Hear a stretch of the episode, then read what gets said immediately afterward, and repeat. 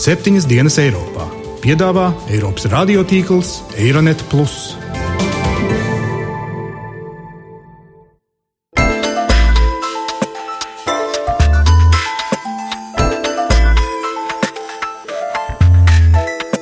Šonadēļ septiņas dienas Eiropā dzirdēsim. Ekonomikā tāpat kā dzīvē gadās visādi. Ekonomika mums attīstās. Kāda cena būs tai ļoti augstajai taupībai?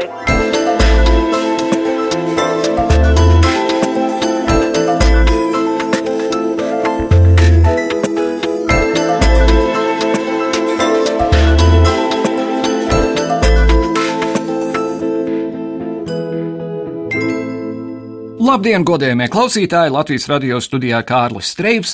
Klāt jauns septiņas dienas Eiropā raidījums, kur pētām Eiropas un pasaules notikumus un kā tie ietekmē mūs tepat Latvijā. Sāksim ar to, ka Rosneft, Sperbank un Krievu uzņēmējs Putina sabiedrotais Arkādijs Rotenbergs nesen ir iesnieguši sūdzību Eiropas Savienības tiesai, apstrīdot tiem uzliktās sankcijas dēļ Krievijas lomas nesenajos notikumos Ukrainā. Atcaucoties uz drošības apsvērumiem, Eiropas Savienības padome, protams, neatklāja kādus dokumentus vai slepenu informāciju tā izmantojusi, lai lemtu, vai atsevišķas personas vai uzņēmumi ir iekļaujami sankciju sarakstā.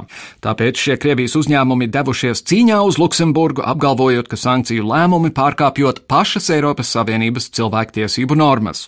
Kā tiesa lems, to vēl redzēsim. Toties šodien raidījumā par ekonomiku. Spriedīsim par Latvijas budžeta plānošanu uz Eiropas Savienības ekonomiskās lejupslīdes fona un par allaž aktuālo strīdu starp taupības un stimulēšanas finanšu politikas aizstāvjiem. Bet vispirms manas kolēģis Gita Siliņas sagatavotais pēdējās nedēļas galveno notikumu atskats. Aizvadītajā nedēļā no jauna par sevi lika runāt Lielbritānija. Eiropas ietekmīgākā sieviete, Vācijas kanclere Angela Merkele, pirmo reizi atzina, ka pieņemtu Lielbritānijas izstāšanos no Eiropas Savienības. Šādu iespēju Merkele pieļāvusi, lai aizsargātu brīva darba spēka kustību, ko Lielbritānija arvien cenšas ierobežot. Kā rakstīja Vācijas žurnāliste Spiegel, tuvojoties nākamgad paredzētajām Lielbritānijas parlamenta vēlēšanām, Britu premjerministrs Deivids Kamerons izjūt arvien lielāku spiedienu no eiroskeptiskās apvienotās karalistes neatkarības partijas UKIP, kas atbalsta Lielbritānijas izstāšanos no Savienības. Tādēļ viņš meklējot iespējas, kā sodīt migrantus. Konservatīvistu nostāju skaidro Lielbritānijas finanšu ministrs Džordžs Osborns. Šobrīd tās ir tikai spekulācijas par to, ko Angela Merkele varētu būt sacījusi par Davida Camerona uzrunu, kas vēl pat nav bijusi. Jums ir jāzina, ka mēs cīnīsimies par Britu interesēm un parūpēsimies, lai pret Lielbritāniju Eiropā izturas godīgi. Protestējot pret 2. novembrī sarīkotajām seidu vēlēšanām Doņetskas un Luhānskas nemiernieku kontrolētajās teritorijās, Ukrainas prezidents Petro Porošenko atcēla septembrī Minskā noslēgto pamiera vienošanos, kas vietējām pašpārvaldēm piešķir īpašu statusu. Autonomija tika piedāvāta, lai vairotu atbalstu miera līgumam, bet aizvadītās vēlēšanas pakļāvušas riskam visu miera procesu un ievērojami pasliktinājušas situāciju Donbasā, paziņoja Petro Porošenko. Псевдовибори є грубим порушенням мінського протоколу від 5 вересня. Šīs pseidovēlēšanas ir smags 5. septembra Minskas protokola pārkāpums. Minskas protokols paredzēja visas vietējās vēlēšanas tikai un vienīgi pēc Ukrainas likuma. Mēs šādu iespēju devām. Taču 2. novembra vēlēšana farsa pakļāvusi riskam visu, ko mēs ar tik lielām pūlēm bijām iesākuši. Весь мирний процес старту якого Savā pirmajā preses konferencē pēc stāšanās amatā arī Eiropas Savienības augstā pārstāve ārlietās Federika Mogherini nelikumīgo vēlēšanu dēļ draudēja novembra vidū gaidāmajā sanāksmē pastiprināt sankcijas pret Krieviju. Lēmums tikšot pieņemts izvērtējot tā brīža situāciju Austrumukrainā. Pēdējā laikā Krievijas militāra aktivitāte Ukrainas un NATO pierobežā ir palielinājusies, sacīja jaunais NATO ģenerālsekretārs Jens Stoltenbergs. Is, Mēs redzam, ka Krievijas militārās lidmašīnas pārvietojas aktīvāk. Viņi mēģina parādīt savu spēku. Un mēs darām to, kas mums būtu jādara. Mēs pārtveram Krievijas lidmašīnas gan Atlantijas okeānā, gan Baltijas jūrā, gan Melnajā jūrā. Šogad mēs jau esam pārtvēruši vairāk nekā simts Krievijas lidmašīnu. Kas ir aptuveni trīsreiz vairāk nekā viss iepriekšējā gada laikā. which is about three times as much as the total number of intercepts in the whole of last year. Vienlaikus īslaicīgs pamiers ir iestājies tā dēvētajā Krievijas un Ukrainas gāzes karā. Ukraina ir samaksājusi pirmos parādus un panākusi kompromisu par gāzes piegāžu atjaunošanu. Eiropas banku pasaulē aizvadītā nedēļa piedzīvoja lielāko ekonomikas politikas pagriezienu kopš eiro ieviešanas. Eiropas centrālā banka pārņēma Eirozonas valstu lielāko banku uzraudzības grožus. Prognozēts, ka tas ļaus novērst tādu krīžu atkārtošanos, kas iepriekš gandrīz noveda pie Eirozonas sabrukuma.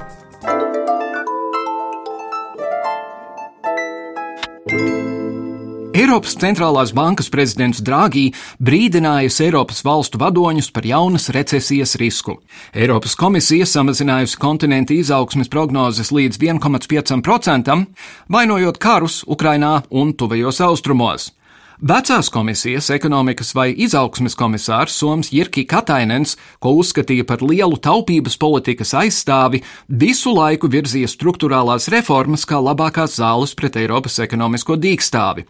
Toties viņa pēctecis šajā amatā, francūzis Piers Moskovičī, ir investīciju un pieprasījuma stimulēšanas sludinātājs un uzskata, ka vienīgi tā var piešaut dzirksti kontinenta gausajai ekonomikas atlapšanai. Vairāk par mūžīgo strīdu starp taupības un tērēšanas politikas pārstāvjiem un par to, vai šim konfliktam ir skaidra ziemeļu un dienvidu fronte, mana kolēģe Jāņa Kropa sižetā.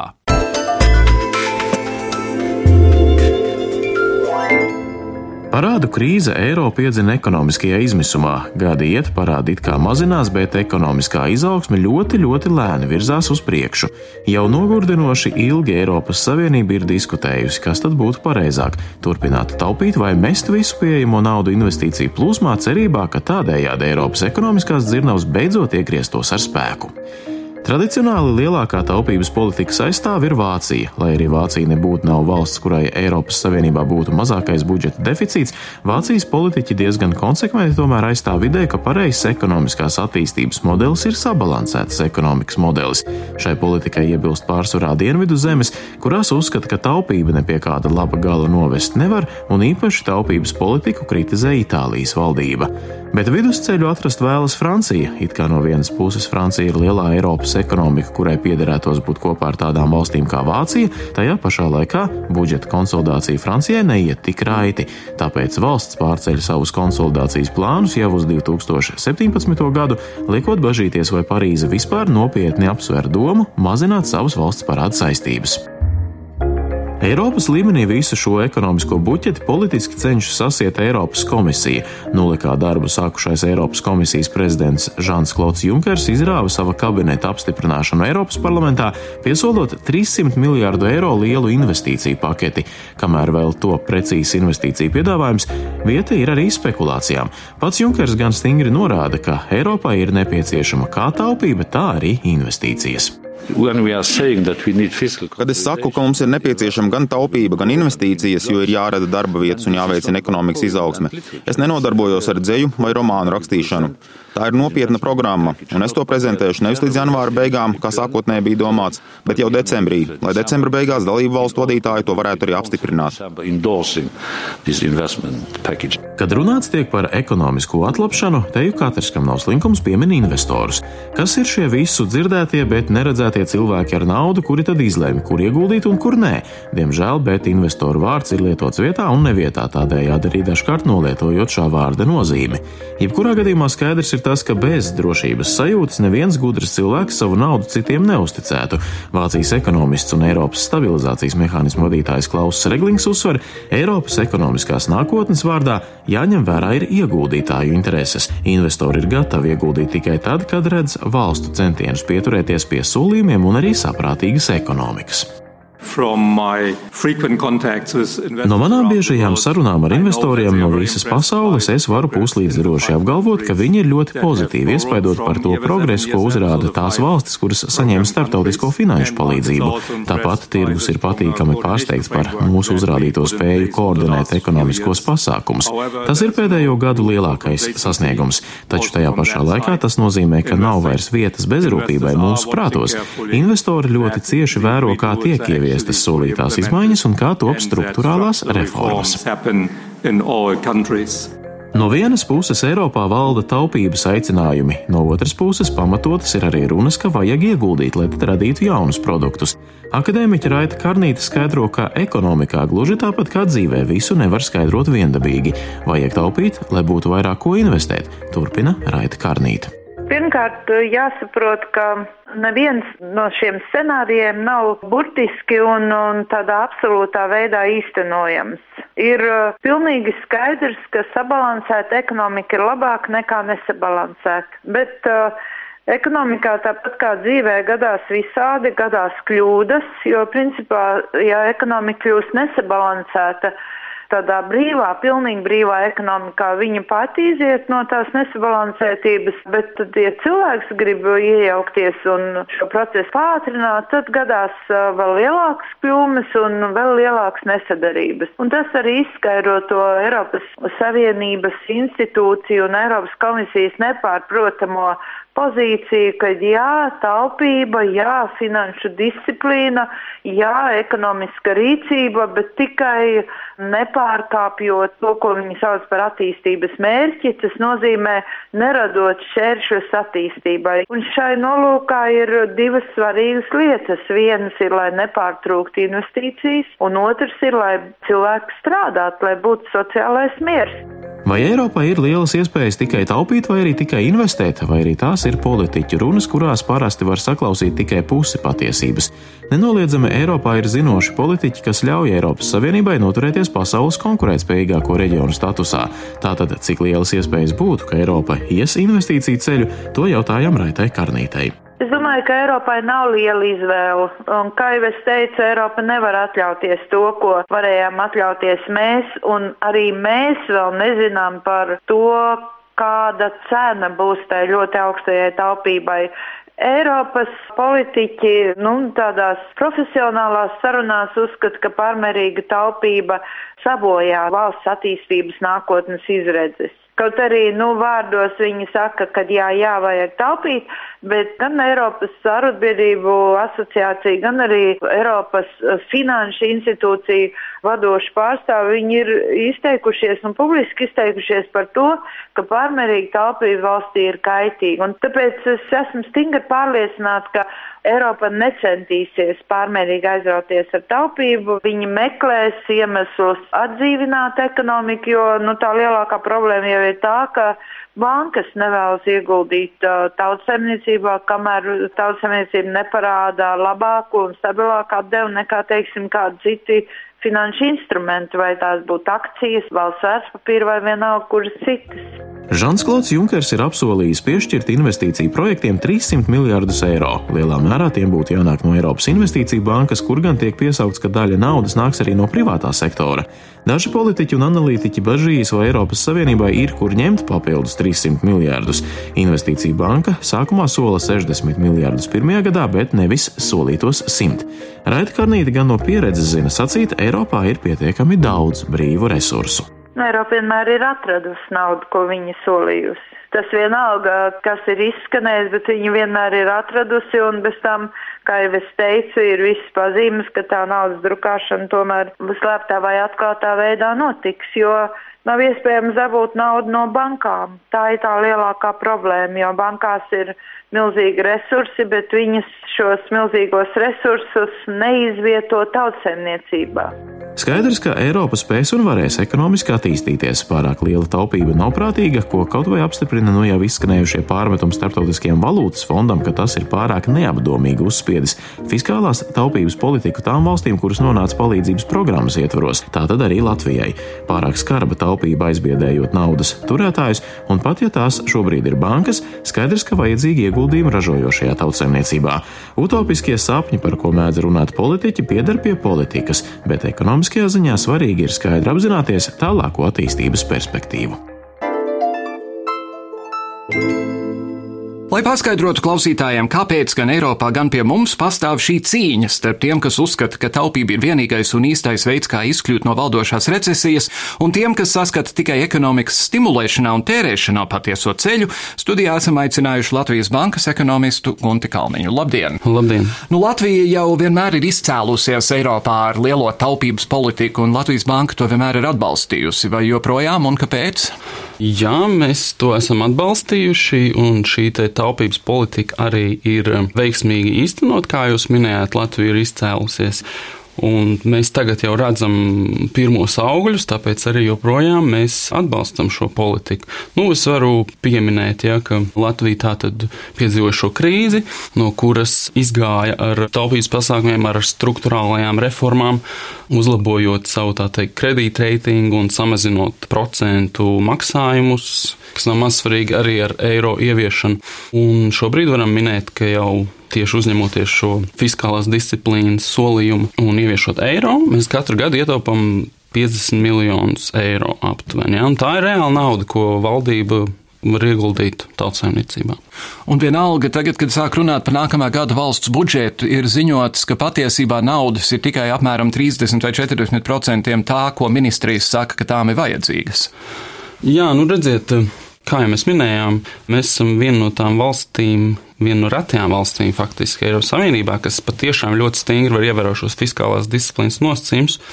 Bet tajā pašā laikā, ja mēs paskatāmies, kādus politikas pasākumus veids valdība, nu, mēs taču esam visi arī paši izjutuši un dzirdējuši, ka mums ir samazināts gan iedzīvotāju ienākumu nodoklis 13. gadā, gan uh, sociālās apdrošināšanas iemaksas. Tajā pašā laikā pieauga iemaksas otrā pensiju līmenī, kas arī atrauj naudu no valsts budžeta. Ja? Respektīvi, tie ir tādi nodokļu pasākumi, kas mazina valsts ieņēmumus, līdz ar to vairāk naudas paliek mūsu maciņā.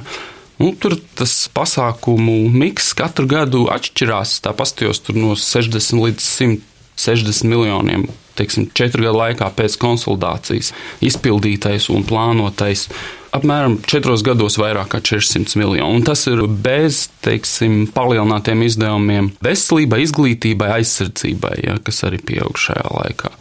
Tā ir šī nauda. Nu, un, Varbūt vēl, ja es varu par to, kāpēc mēs joprojām atbalstam. Tiešām šie ir tie augļi, šī ir tā nauda.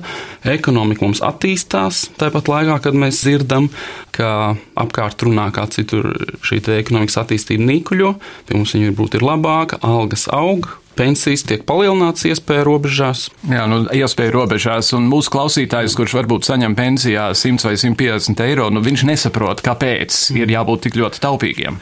Jā, protams, tas pensiju līmenis ir zems, un šis pieaugums katram pensionāram nav tik jūtams, bet kopumā valstī tie tāpat ir gadā vismaz 30 vai pat vairāk, 40 miljoni eiro. Un mēs varam salīdzināt, ja nu, tas lietas nav tieši saistīts, bet cik mēs ietaupām uz šo zemākiem procentu maksājumiem. Ja, tā ir apmēram līdzīga summa, un ja mēs nebūtu fiskāli saprātīgi, mums nebūtu varbūt pat šīs naudas. Un ja mēs aizņemtos vairāk, mums būtu vēl varbūt 50 miljoni kaut kur jāatrod. Nu, ja. Ko banka domā par to, ka valdības rīcības plānā vai deklarācijā ir paredzēts 5% izaugsme nākamajos trīs gados, lai arī visi no ārpuses saka, nē, labākajā gadījumā 2-3%? Jā, nu ar budžeta plānošanu vienmēr ir šis te, viens no elementiem ir tas, ka jāstāsta, cik ir realistiskas ekonomikas izaugsmas prognozes un jāpieskat, lai mēs pārāk nebūtu optimistiski par nākotni un līdz ar to atļautos tērēt varbūt vairāk šodien.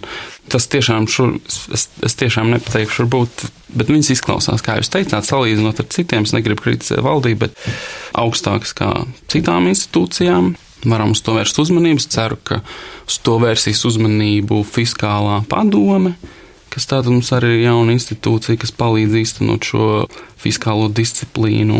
Viņi arī, teiksim, tas ir faktiski arī viens no fiskālās padomus galvenajiem uzdevumiem - vērot un pieskatīt, lai valdība neieraksta kaut ko nerealistisku, teiksim, makroekonomikas prognozēs vai neparedz pārāk liels izdevums, kas sabojātu mūsu budžeta deficītu. Vai pašai centrālajai bankai ir kaut kāda loma šajos procesos, konkrēti par budžetu runājot? Par budžetu mēs vienmēr esam bijuši valdības konsultanti budžeta, arī makroekonomikas plānošanas, budžeta plānošanas jautājumos, sevišķi krīzes laikā stabilitātes programmas ietvaros.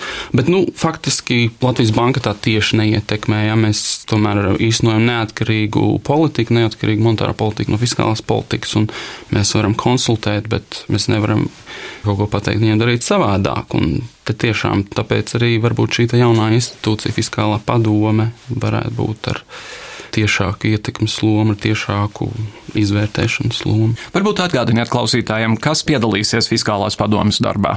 Fiskālās padomas darbā piedalās tātad eh, Finanšu ministrijas un Latvijas bankas un parlamenta apstiprināti speciālisti, kur izvēlēti ir no Latvijas finanšu, Latvijas, ne tikai Latvijas, arī mums ir no Igaunijas centrālās bankas pārstāvs, finanšu vides un, un, un profesori, un, kuri tā tad, teiksim, saprot šos fiskālos jautājumus, ir strādājuši šajā sfērā. Nu, respektīvi, cilvēki ar kompetenci, kas ir spējīgi izvērtēt tātad, um, makroekonomiku un budžeta jautājumus. Kā Igaunis tur piedalās? Viņš prot latviešu valodu vai kāds sēž viņam un čukst austiņā? Ne, cik es saprotu, tur tā sēde notiek angliski. Lai arī visi ir no Latvijas un viens no Igaunijas. Tur ir no Igaunijas, jā, un tad ir um, viens dāņu profesors, kas gan dzīvo Latvijā. Es nepateikšu, cik labā līmenī ir viņa latviešu valoda, bet nu, es domāju, cilvēki, kas ir ar pieredzi finanšu institūcijās, viņi noteikti pārvalda labu angļu valodu. Mm -hmm. Un, protams, tie dokumenti, ko viņi pēc tam saražo, tie jau būs latviski. Tiem, kas seko šai lietai Eiropas līmenī, rodas jautājums, vai tas ir godīgi, ka Latvija uzstāja uz šo taupības politiku. Ja Francija var pacelt vidējo pirkstu un teikt, nē, mums budžeta deficīts būs lielāks, Itālija var pacelt vidējo pirkstu, nē, mums budžeta deficīts būs lielāks, ejiet un iepūtiet mums tā teikt. Jā, nu, jūs runājat tātad pēdējā laika notikumiem saistībā ar šo lielo valstu budžetu. Nevarētu teikt tā, ka viņi ir pacēluši vidējo pirkstu, bet uh, saka, šī situācija rada nedaudz bažas, un to izvērtēs Eiropas komisija, kur Eiropas līmenī, to, protams, tiek domāts un spriests par to, kā lai nepieļautu atkāpes no šī jaunā, uzlabotā, pastiprinātā fiskālās pārvaldības ietvara, kas varētu kaut kādā veidā iedragāt uzticību visai mūsu ekonomiskajai telpai. Un, um, mums šis ietvers ir uzlabots, tur ir attiecīgi soļi, rekomendācijas, kuras jāievēro, kuru neievērošanas gadījumā ir iespēja tālāk pastiprināt sankcijas. Un, nu, es negribētu vērtēt šo valstu budžetus.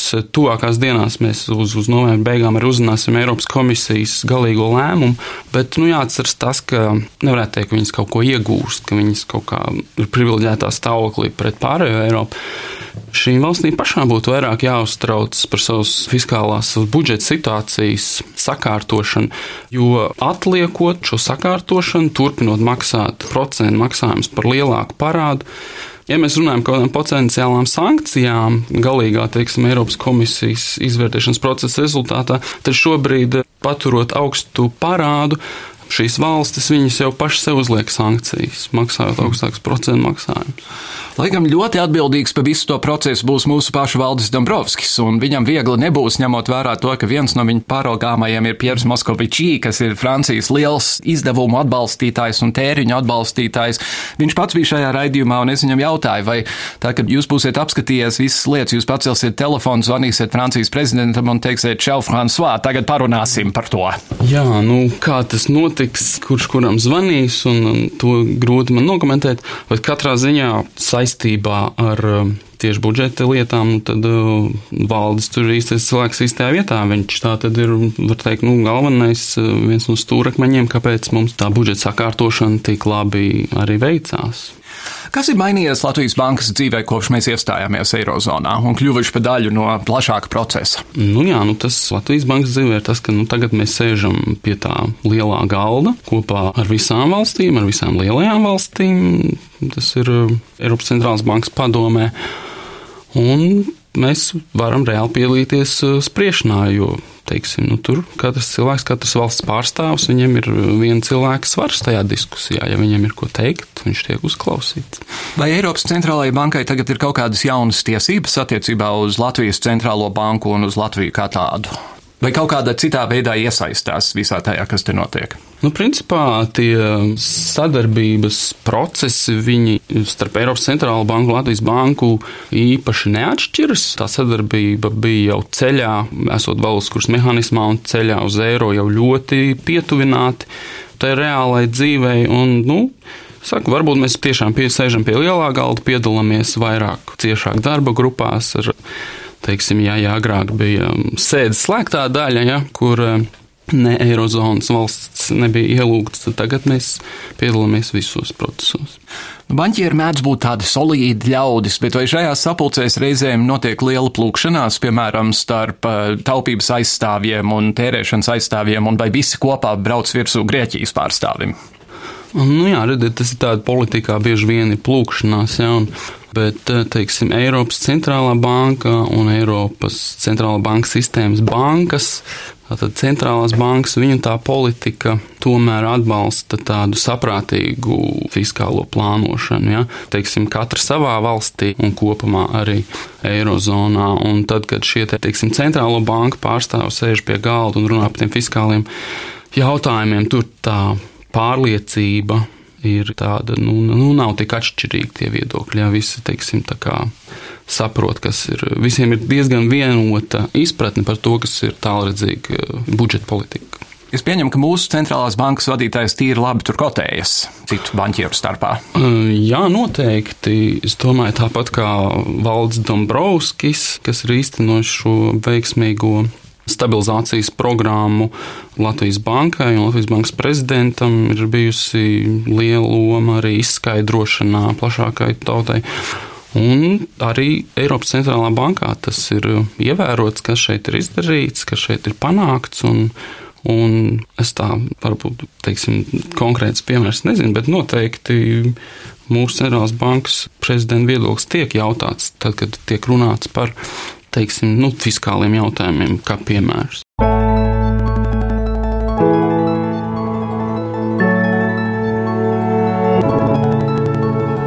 Kādu jūs redzat Eirozonas nākotni? Ir ļaudis, kas domā, ka kaut kad paredzamajā nākotnē tā varētu vispār sabrukt.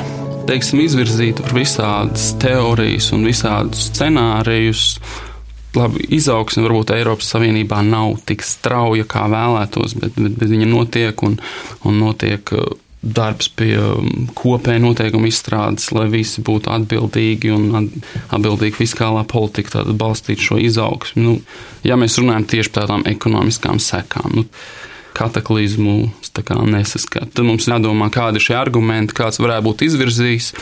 Kas varētu būt iemesls šim sabrukumam? Jo bieži vien jau ir tādi skaļi tādi paziņojumi, man ir slikti un pie viss ir vainīga eirozona. Bet nu, tiešām nevajadzētu reducēt uz eiro, uzkārt teiksim, tās savas problēmas, ko kāda konkrēta valsts vai konkrēts cilvēks nevar atrisināt, nevar uz kādu ērtāku vadzīšanu pateikt, ka tie ir slikti un viņi sabruks.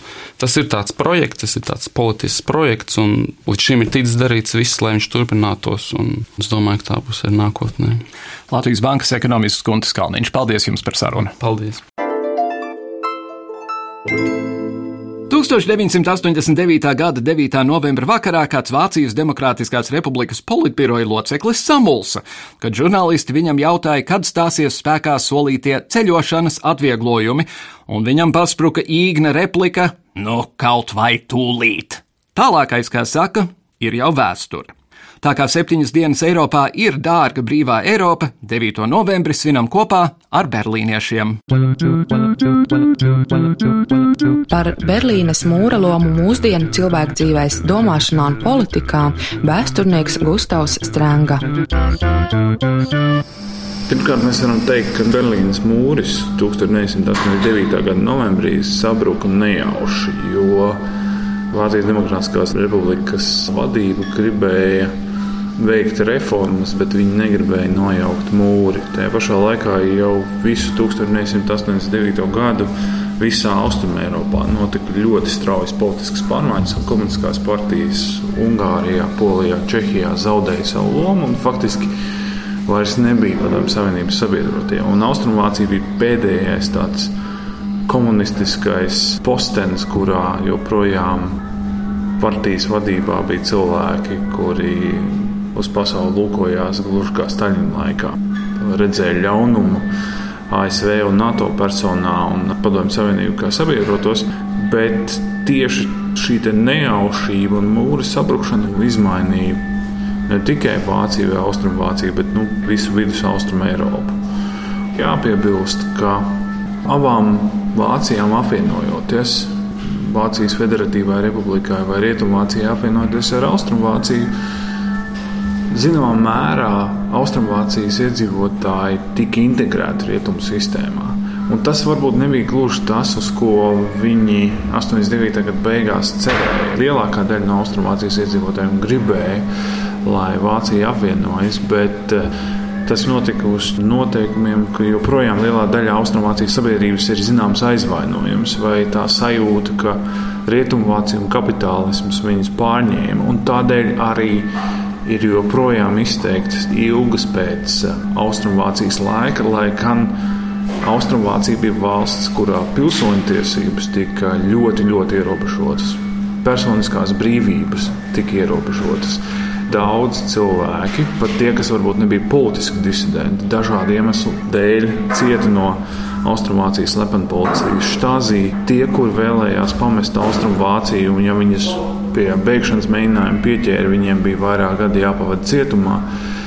Arī tie, kas izteica politiski pretējs uzskats, režīmu uzskatiem, tika vajāti. Par spīti tam liela daļa sabiedrības joprojām lūkojās uz to Austrumvācijas laiku kā uz zelta laikmetu. Jo tā bija represīva sistēma, tajā pašā laikā tā bija sistēma, kura rūpējās par saviem pilsoņiem. Daudz sociāli labumi Austrumvācijā bija labāki varbūt nekā Rietumvācijā, lai gan Austrumvācija, protams, bija daudz nabadzīgāka valsts.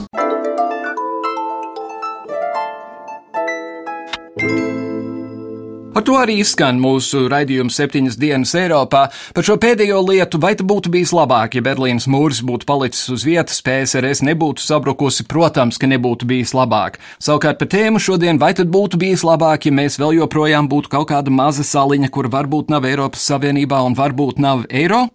Droši vien arī nebūtu. Saprotu, ka ne visiem ir labi, saprotu, ka ne visi jūt ekonomisko izaugsmi, bet cerības tomēr saglabājas.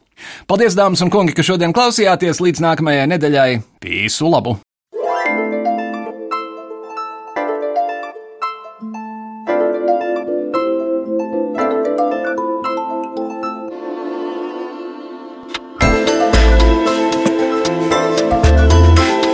Raidījumu veido Kārlis Streips, Gita Siliņa un Jānis Krops. Producents Lukas Rozītis.